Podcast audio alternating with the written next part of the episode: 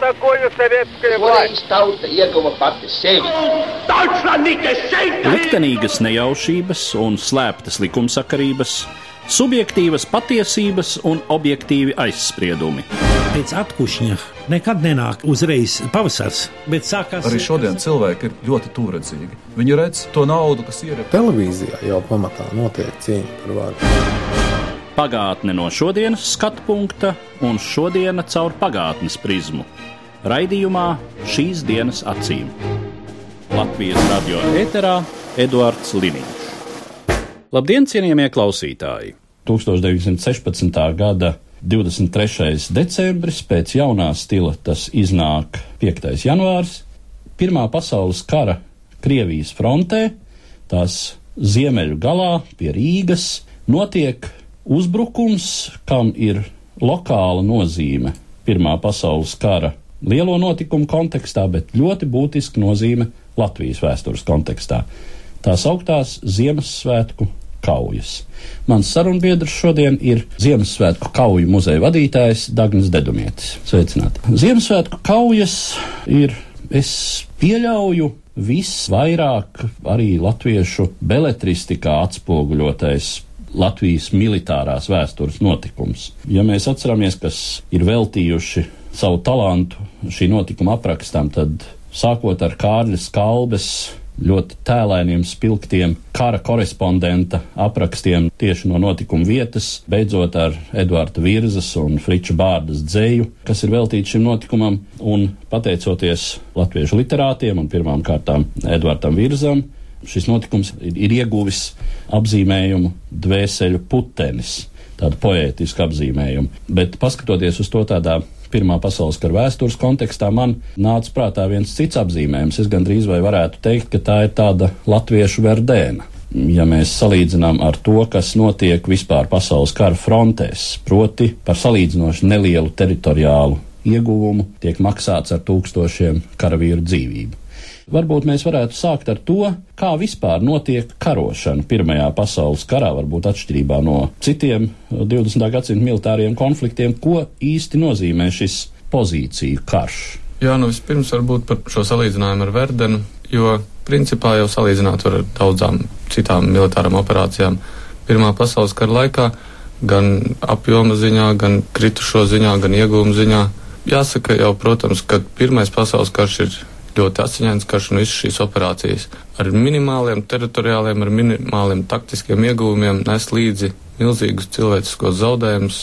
Un to lielā mērā nosaka šis pozīciju karš, kad abas pretim stāvošās karaspēka vienības, tas ir gan rietumu, gan austrumu frontē, ļoti līdzīgi, atrodas spēcīgi izbūvētos nocietinājumos, kurus pretiniekam ļoti grūti ieņemt. Un jebkurš mēģinājums šo situāciju mainīt ar uzbrukumiem, kā likums nes līdzi milzīgus zaudējumus, jo šie nocietinājumi ir tik pamatīgi, ka tā laika ieroči karavīriem, kas uzbrūk, nespēja nodrošināt to, lai šie nocietinājumi būtu padarīti uzbrukošiem mazāk bīstami. Līdz ar to arī šie milzīgie zaudējumi, kas, protams, ir arī šajās Ziemassvētku kaujās, bet arī citās kaujās Pirmā pasaules kara laikā, arī Latvijas teritorijā šie zaudējumi ir ļoti, ļoti lieli. Vai mēs varam tā vispār nošteikt, ka Pirmā pasaules kara laikā teiksim, fortifikācija ir tikusi mazliet tālāk par artilēriju un kaujas ieročiem. Šī attīstība ir absolūtā miedarbībā un attīstās atkarībā no tā, kā attīstās attiecīgi defensīvā vai ofensīvās būves, bet jāsaka, ka nemitīgi atkarībā no šiem te nocietinājumiem tiek papildināta ar uzbrukošā kara tehnika, un šie nocietinājumi ir arī, protams, atšķirās pēc tā, kurā vietā viņi atrodas. Jo nocietinājums jau būvēja teritorijās no tā, kas bija par rokām, visbiežāk jau bija koks, zeme, un no tā arī šos nocietinājumus būvēja. Un parastā artilērija jau diezgan labi arī varēja tikt galā ar šiem te nocietinājumiem. Jautājums tikai par precizitāti un par to apjomu, kādā šie nocietinājumi tika izbūvēti. Mēs tātad uh, redzam, ka šīs Ziemassvētku kaujas noslēdzas nu, tā, lielās līnijās runājot pa nulēm. Nu, tur ir kaut kādi tiešām daži kvadrātkilometri iegūtas teritorijas un vairāk desmit tūkstošu kritušo, tā skaitā ap pieciem tūkstošiem latviešu strēlnieku. No Latvijas vēstures viedokļa tātad tā būtiskā nozīme ir tā, ka šeit šķiet pirmo reizi kaujā piedalās visas latviešu daļas, kas ir izveidotas Krievijas impērijas armijā tobrīd pirmo reizi latviešu strēlnieku vārds izskan arī plašākā kontekstā, parādās ziņas par viņiem arī dzen rietumu presē un nu, dzimst šī latviešu strēlnieku leģenda, priekšstats par latviešu strēlnieku fenomenu kā par ārkārtīgi kaujas spējīgām vienībām, kas ir gatavas doties turpat bezcerīgos, ārkārtīgi sarežģītos uzdevumos un, un veikt šādas, nu, es atļaušos lietot to mūsdienu kalambūru neiespējamās misijas toreiz Pirmā pasaules karā. Jau no paša sākuma It kā ir skaidrs, ka Krievu augstākā virspavēlniecība īsti neplāno nekādu ļoti būtisku pārāvumu šeit austrumu frontes ziemeļu galā. Kas tad īsti ir Krievu virspavēlniecības mērķis uzsākot šo operāciju? Par šiem te Krievu armijas mērķiem ir daudz rakstīts un diskutēts jo gribētos jau vismaz tiem strēlniekiem, kas piedalījās un pēc kara daudz par to rakstīja, viņiem gribējās ticēt, viņi ir ticēja, ka šis te mērķis ir uzbrukt ar mērķi uzbrukt Jelgavai, ar mērķi atbrīvot tālāk arī kurzemi. Bet, nu, acīm redzot, skatoties vēstures avotos, kļūst redzams, ka Krieva armija šāda mērķa nebija, jo tik lielu operāciju ne viņi gatavoja, ne arī bija spējīgi praktiski sagatavot. Un tāpēc visticamākais, ka šis armijas mērķis nebija lielāks kā tas, ko principā arī Krieva armija sasniedza, respektīvi ieņēma Ložmetē kalnu un tam pieguļošo teritoriju. Jāsaka, ka šai teritorijai, kas varbūt kvadrātkilometru ziņā ir neliela, bet no mūsdienu viedokļa skatoties, mēs redzam, ka tā ir vienīgā teritorija tajā laikā, no kurienes vācieši spēja apšaudīt jūrmālu, spēja apšaudīt slokas dzelzceļu, tātad pakļaujot apdraudējumam visas Krievijas armijas piegādes jūrmālas frontē pie ķemeriem un slokas. Un arī šie nedaudzie kvadrātkilometri, par ko Krievijas armija samaksā milzu cenu karavīru dzīvībās, ir lielākais teritoriālais iegums, kādu Krievijas armija Rīgas frontē vispār spēja panākt. Pirmā pasaules karā. Jā, nu runājot par uh, Pirmo pasaules karu un uh, Krievu armiju šajā karā, ir 17. gada faktiski sākums, un mēs zinām, ka 17. gada beigas jau, tas jau ir bolševika apvērsums un uh, Krievu armijas sabrukums. Cik uh, tobrīd, 17. gada pašā sākumā un 16. gada pašās beigās, kaujas spējīgi ir Krievijas impērijas armija? Krievijas impērijas armijas kaujas spējas ar katru karā pavadīto mēnesi krītās ne tikai pēc februāra revolūcijas 17. gadā, bet arī jau pirms tam šīs kaujas spējas ir gājušas zudumā, un to mēs arī redzam kaut vai Ziemassvētku kauju laikā, kad sibīriešu strelnieku pulku karavīri atsakās doties uzbrukumā. Tāpat tas notiek arī vēlāk, jau pēc februāra revolūcijas, kad šajās armijas struktūrās tiek ieviestas dažādas ar armijas disciplīnu varbūt nesamērojamas lietas, kas šo disciplīnu arī grauj. Jāsaka, protams, ka arī latviešu strēlnieku vienības nav tās, kas atpaliek šajā ziņā. Viņas varētu teikt, pat ir vienas no pirmajām, kas ievieš dažādas ar februāra revolūciju saistītās iespējas un ir šīs revolūcijas atbalstītāji. Un arī latviešu strēlnieku vienībā šī disciplīna lielākā vai mazākā mērā zūd. Un tur atkal var vilkt paralēlis, jo Ziemassvētku kaujas ir tās kaujas, no kurām jau tie latviešu strēlnieki, kas brīvprātīgi gāja strēlniekos, kas bija izgājuši daudzās kaujas 16. gadā, lielākā mērā vairs neatgriezās ierindā. Viņi bija vai nu krituši vai ievainoti, un tagad jau Latviešu strēlnieku vienības sastādīja mobilizētie karavīri, kas nebija vairs brīvprātīgi, kas bija piespiedu kārtā iesaukti armijā, un, protams, viņu noskaņojums bija pret karu, un tas arī izpaužās šajā 17. gadā Latviešu strēlnieku darbībā gan frontē, gan rezervē, bet jau kaujās 17. gada septembrī mēs atkal redzam, ka grūtā brīdī Latviešu strēlnieku vienības morāles un disciplīnas ziņā saliedējas un atkal ir Krievu 12. armijas labākās karaspēku vienības. Runājot par eh, tiem cilvēkiem, kas ir iesaistīti šajā operācijā un pirmkārt komandē visu notiekošo šeit eh, frontes sektorā pie Rīgas, visbiežāk ir sastopams Bulgāru izcelsmes Krievu ģenerāļa Ratko Dmitrieva vārds. Par viņu lomu tais notikumos ir diezgan daudz lasīts, nu, sākot no tā, ka viņu sauc gluži vienkārši par avantūristu un, un absolūti bezatbildīgu cilvēku, beidzot ar to, ka tomēr atzīst zināmas Ratko Dmitrievas simpātijas pret latviešiem kā mazu tautu, kas tiecas pēc brīvības līdzīgi kā Bulgāri ir tiekušies dažus desmitus gadu iepriekš pēc atbrīvošanās no turkiem un to arī panākuši. Un, eh, nu, kā jūs skatoties šos vēstures avotus, vērtējat tieši Ratko Dmitrieva personību un viņa lomu visā tajā, kas notiek? Es domāju, ka šī 12. armijas komandiera Ratko Dmitrieva loma bija ļoti liela Ziemassvētku kaujās, gan to plānošanā, gan arī realizācijā, jo Ratko Dmitrieva tiešais priekšnieks Ziemeļfrontes komandieris Ruskis neatbalstīja šo te uzbrukumu Tīraļpurva rajonā. Viņš uzskatīja, ka reālāks būtu Bauskas virziens, kur varētu taisīt lielāku uzbrukumu. Ratko Dmitrijos turpretim ticēja, ka reālāk ir uzbrukt tieši tīreļpurvā, un ļoti iespējams, ka viņš pats personīgi arī ticēja, līdzīgi kā latviešu strēlnieki, ticēja, ka šis te uzbrukums izdosies tik sekmīgi, principā varbūt ticot nelielam brīnumam, ka izdosies tiešām gūt vairāk kā neliels taktisks panākums, varbūt pat tikt līdz Jelgavai. Iespējams, ka viņam šāda ticība bija, un uz to viņš arī balstīja šo te gan operācijas plānošanu, ko lielākā vai mazākā mērā tieši viņš arī inicēja un izveda, gan arī šīs te kaujas realizācijā. Nu, un runājot par tiem faktiem, kur tiek pieminēti, ka pirms kaujas orientējot un, un noskaņojot eh, sev padotos pirmām kārtām latviešu vienību komandierus, Ratko Dmitrijovs zīmē diezgan cerīgu ainu, bieži vien, kas varbūt krietni pārspīlē Krievu 12. armijas reālās iespējas. Nu, ko jūs par to varat teikt? Protams, ka kā jau jebkurš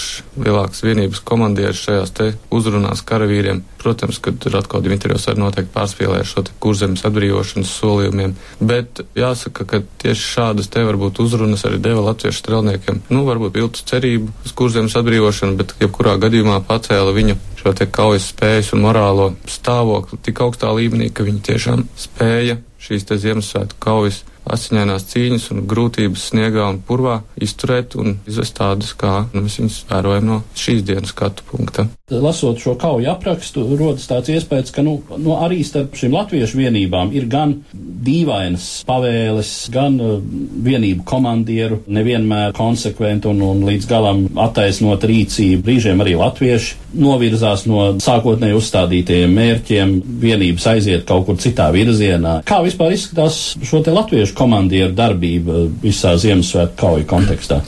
Jā, nu jāsaka, ka latviešu strelnieku virsnieku darbība principā līdz šim vēl arī gaida savu izvērtēšanu, jo Latvijas laikā par Ziemassvētku kaujām lielākoties rakstīja tie paši virsnieki, kas šīs kaujas vadīja, līdz ar to ne ar kādu paškritiku, protams, viņu darbos un atmiņās mēs nesastapsimies. Padomju historiografijā vairāk vai mazāk tas viss aprobežojās ar tā laika vispārējās situācijas kritizēšanu un, un varbūt arī par Ziemassvētku kaujām to, ko visi zina. Tas ir, kad Krievu kaujas cieta neveiksmi, jo Krievu armija nesūtīja rezerves spēkus. To varbūt aprobežojas ar padomju historiografiju. Savukārt tagad pētot šo te latviešu strelnieku virsnieku darbību Ziemassvētku kaujās nākas saskarties, ka nemaz tik viennozīmīgi, kā jūs jau teicāt, viņu nevar atzīt arī, protams, par pozitīvu, jo tas pats Jukums Vācietis, viņa kaujas uzdevums bija, varētu pat teikt, viens no atslēgas uzdevumiem, jo viņa uzbrukuma virziens bija saistīts ar to, ka viņam bija jānodrošina abu strēlnieku brigāžu saskarsme. Savukārt tieši un tikai personīgi vāciešu izvēlētais uzbrukuma virziens bija tik neveiksmīgs, tik uh, spēcīgi izbūvētā vācu pozīcijās, ka viņa pulks nespēja šīs pozīcijas pāraut, līdz ar to viņš nespēja šis pulks veikt viņam uzticēto uzdevumu. Tāpat arī citu pulku virsnieku darbību varētu kritizēt un iztirzāt, Jāsaka, protams, ka šis te moments ir ļoti, ļoti būtisks. Ziemassvētku kaujās tieši šī virsnieku darbība un nesaskaņotā darbība varbūt bieži vien ir savstarpējās nesaskaņas, kad virsnieki kaujas laikā nespēja pilnvērtīgi komandēt savas vienības. Protams, ka daudzu vienību komandieri bija nesen iecelti šajos amatos un savas vienības varbūt tik labi nepazina. Te var minēt Goperu vai Peniķi, bet, nu, katrā ziņā virsnieku komandēšanas spējas ir nu, bijis nozīmīgs faktors tam, ka Ziemassvētku kaujās šis uzbrukums nav izdevies tik labi, kā varbūt būtu bijis iespējams. Cik lielā mērā tā ir tāda Krievijas armijai vispār raksturīga nelaime?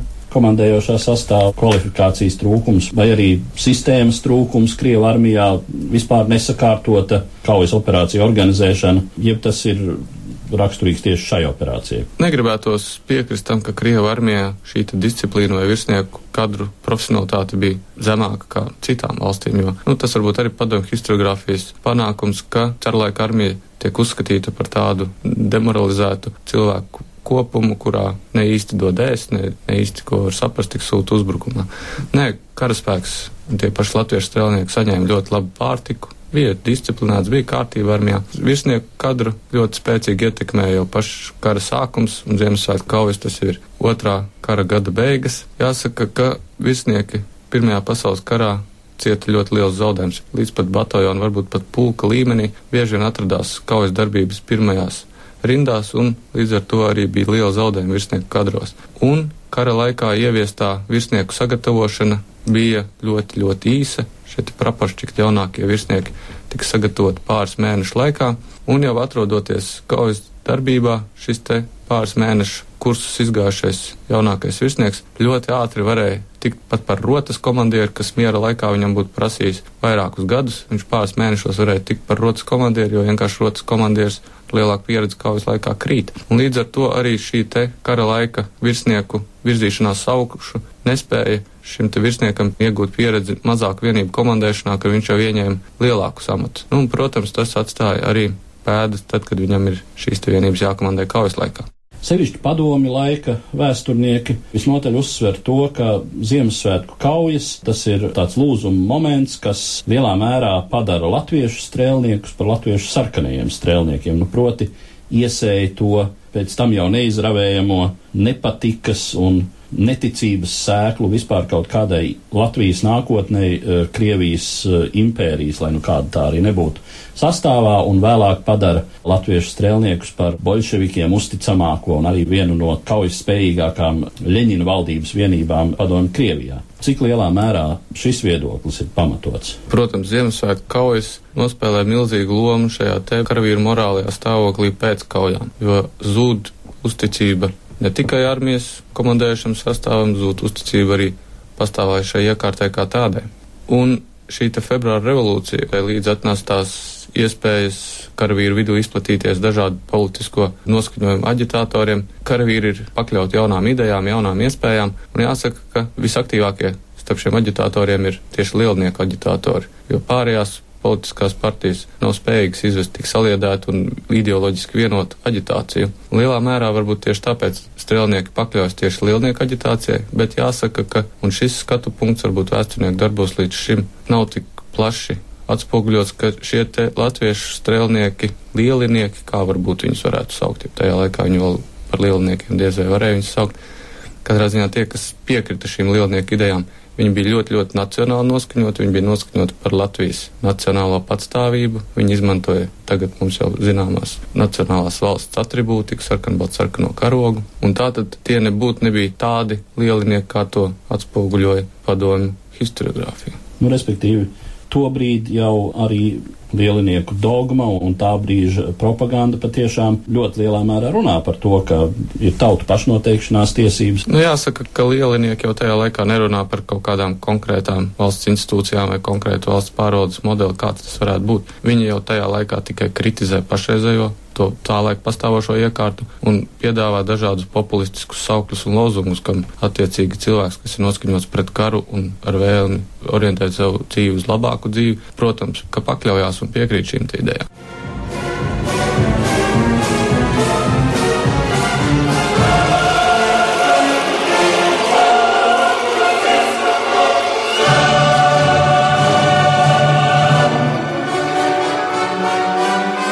Ziemassvētku kaujas lielā mērā tieši lielā kritušo skaita dēļ un sākotnēji cēlā nozīmīgā mērķa Latvijas atbrīvošanas dēļ paliek ļoti dzīvas tautas vēsturiskajā atmiņā un, un atspoguļojas ļoti daudzos dažādu žanra un kvalitātes tekstos, bet, um, ja mēs runājam par um, tīru vēsturisko kontekstu, kā jūs raksturotu visu šo notikumu 16. gada beigās? Nozīmīgi šīs Ziemassvētku kaujas ir no mūsdienu skatu punkta varbūt ne tik daudz dēļ tiem taktiskajiem panākumiem, ko ne tikai latviešu, bet arī krievu karaspēka vienības guva, bet jau tīri no tiem cilvēciskiem faktoriem, kā mēs to varam paraudzīties no mūsdienām. Kā latviešu karavīriem, kas bija iesaukti vai brīvprātīgi iestājušies Krievijas armijā, kur viņi cerēja atbrīvot kurzemi, nācās cīnīties ļoti, ļoti grūtos apstākļos. Ne tikai šīs kaujas ir ar savu asiņaino iznākumu, bet arī ar milzīgi grūtiem cīņas apstākļiem ir pieminēšanas vērtas, jo strēlniekiem nācās vairākas dienas ļoti lielā salā. Janvāra beigās sals sasniedz pat mīnus 36 grādus cīnīties atklātā laukā, kad jau ieroči pārstāja darboties, munīcija nesprākst.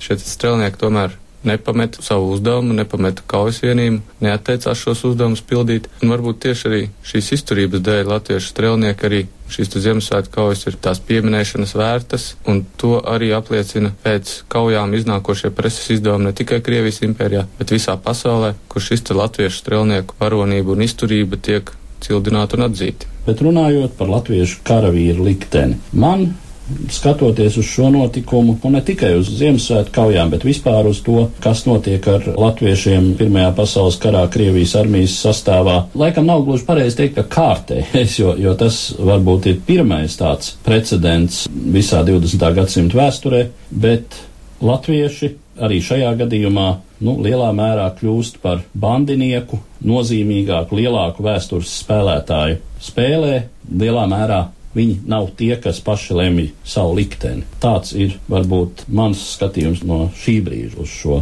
notikumu. Te gan varētu teikt ne tikai latviešu karavīri, bet vispār visi Latvijas tā laika teritorijas iedzīvotāji visi kļuva par bandiniekiem tajā politiskajā situācijā, kāda nu pasauli iegāja. Daudzi no kurzemes kļuva par bēgļiem, daudzi pat nekad ir neatgriezās vairs savās mājās.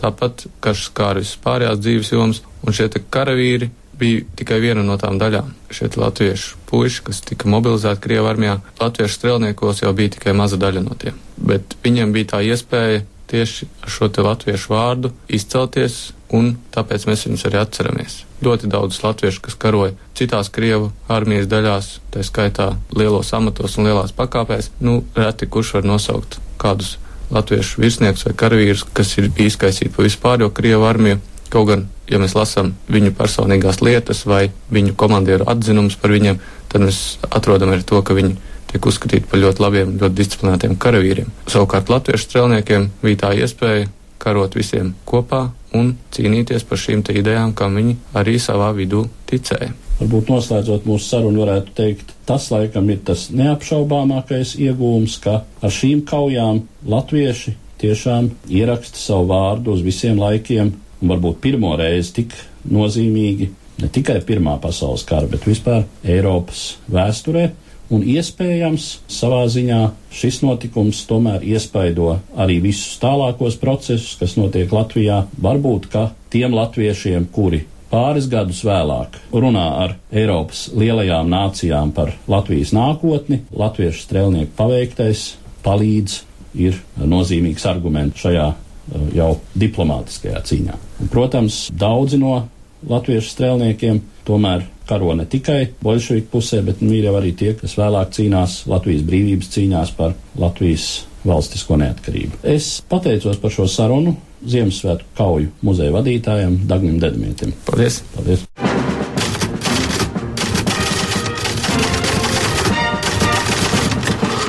Pagātnes preses apskats. Noskaņojumu, kāds valda latviešu sabiedrības lielākajā daļā Ziemassvētku kauju laikā, labi raksturo publikācija Pilsoniski demokrātisko aprindu laikrakstā Baltija 1916. gada 25. decembrī. Mūsos pamostas veseluma, kopības apziņa, raksta Baltija. Mēs esam lūkojušies līdz šim uz mūsu tautu caur analītiskām brillēm, un esam to redzējuši saskaldītu tikai šķirās bet tagad mēs pūlamies atkal to saskatīt kā kaut ko nedalītu, veselu. Vārds Latvija kļūst priekš mums vairāk nekā teritorijas apzīmējums vien. Mēs ieliekam tanī bagātu saturu par latviešu kultūru, par latviešu daili un literatūru, mūziku un glezniecību, kuru rada tauta ar brīvu garu un spēcīgu tiesisku apziņu, atbalstīdamās uz savu ciešu mājas iekārtu. Un lai gan dzīves īstenība mums rāda pavisam ko pretēju, dalītu Latviju zemi, izkliedētu Latviju saimi, satriektu garu, retinātas garīgo vērtību radītāju rindas, mēs tomēr gribam līdz ar dzēnieku cerēt, Latvija mūžam nemirs. Nav brīnums, ka pirmās ziņas par latviešu sekmēm frontē avīžu slēgās atbalsojas jūsmīgos un cīņas entuziasma pārpilnos rakstos. Tā jau sesto gadu iznākošais laikraksts jaunākās ziņas 27. decembrī raksta. Mūsu varonīgie strēlnieku pulki spiežas bez apstājas dziļāk un dziļāk ienaidnieka frontē no olainas līdz tukumam, un pat aiz tās jau tālāk gar jūru uz vienu un aiz Jelgavas uz otru pusi. Par mūsu armijas panākumiem tik labi atsevišķos rajonos kā vispārēji frontē pienāk ar vien iepriecinošākas vēstis. Kaujas attīstās ienaidnieka frontē ar vienu plašumā, īpaši mūsu iesistam ķīlim sāņus Jelgavas rietumos, kur pastiprinās kā mūsu tā ienaidnieka kaujas spēki. Mūsu plašais pasākums izvēršas par varenu uzvaras gājienu. Ienaidnieks cīnās ar izmisumu un cieš milzīgus zaudējumus, pret kuriem mūsu zaudējumi ir samērā nelieli. Savu necilvēcību ienaidnieks pierāda ar sprākstošajām lodēm, bet grūti ievainoto salīdzinot ar vispārējo ievainoto daudzumu ir maz. Mūsu strēlnieki līdzīgi dzimtenes ozoliem neļimst, bet laužas pie ienaidnieka nesdami tam drošu nāvi un iznīcību, uz katra soļa gavilēdami ielēncot viņa nodaļas un vairojot gūstekņu pulkus un trofeju kaudzes, un, ja kam jānoliek galva par tautas un dzimtenes brīvību, tie lūst par briesmām ienaidniekam, raudami to līdzi nāves valstī. Ar katru dienu mūsu sekmes attīstās, un vakar, 26. decembra vakarā, to atkal pierādīja milzīgie gūstekņu pulki un lielgabalu ložmetēju un citu trofeju rindas, kas stiepās pa ielu ielām, pa starpām ar jauno varoņu pulkiem, kas steidzas uz kaujas laukiem, nest jaunas briesmas ienaidniekam un jaunas uzvaras caram un tronim. Tā jaunākās ziņas 1916. gada 27. decembrī. Tomēr jaunākās ziņas skata šo karu ne tikai ar eksaltētu aizmugures avīžnieku acīm. Laikrakstam ir arī savi korespondenti frontē, kuri ziņo tieši no pirmajām līnijām, un viens no tiem - Kārlis Skalbe. Viņa zīmētās kara ainas izskatās krietni citādi. Šajās dienās jaunākās ziņas publicē skalbes aprakstu sēriju uz kaujas lauka. Šausmīgā kara darbdiena. Piepieši mēs atrodamies viņas priekšā. Mēs ejam uz otru pārsienamo būdu. Tur kaudzē sakrautas flintes, kaudze flinšu no tiem, kuru vairs nav. Tur staigāja dieva dēli, dvēselītes lasīdami. Mēs ejam pa kaujas lauku, kad eņģeļi jau ir aizgājuši un dvēselītes aiznesuši. Atkal mēs atrodam kaut kur kritušus strēlniekus, kuri rindā guļ zem saviem pelēkajiem mēteļiem. Kāds sargs ar flinti pār plecu klusi staigā viņiem garām. No šīm vaska dzeltenām pierēm dvēselītes jau ir paņemtas, un mēs redzam tikai miroņus, kuriem iet garām bargā, nemīlīgā kara darba diena. Un tomēr kā guļ šie latviešu vīri.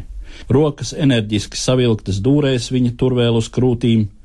Es apbrīnoju viņus pat šai nāves pelēkumā, kad viņi guļ pie malas novākti, itin kā kaudzē saraustas rudens lapas. Vēl traģiskāk izjūta ir dzēniekam Fricim Bārdam, kurš jaunāko ziņu 30. decembra numurā publicējis dzējoli Tautas bēres 28. decembrī 1916. gadā. Man tagad netīkas ziedus ap baltajiem krustiem jums vīt. Man gribētos saujās smiltis ik katram jums sasildīt. Tās smiltis, par kurām jūs mirāt, tad siltāk jūs seks, gan rozes dzimtenes saulē par jums vēl ilgi degs. Lēni, lēni, viegli, viegli Sniedziņš lido balts un kluss. Aijā, mīļā dvēselīte, karā kauta, nemirus.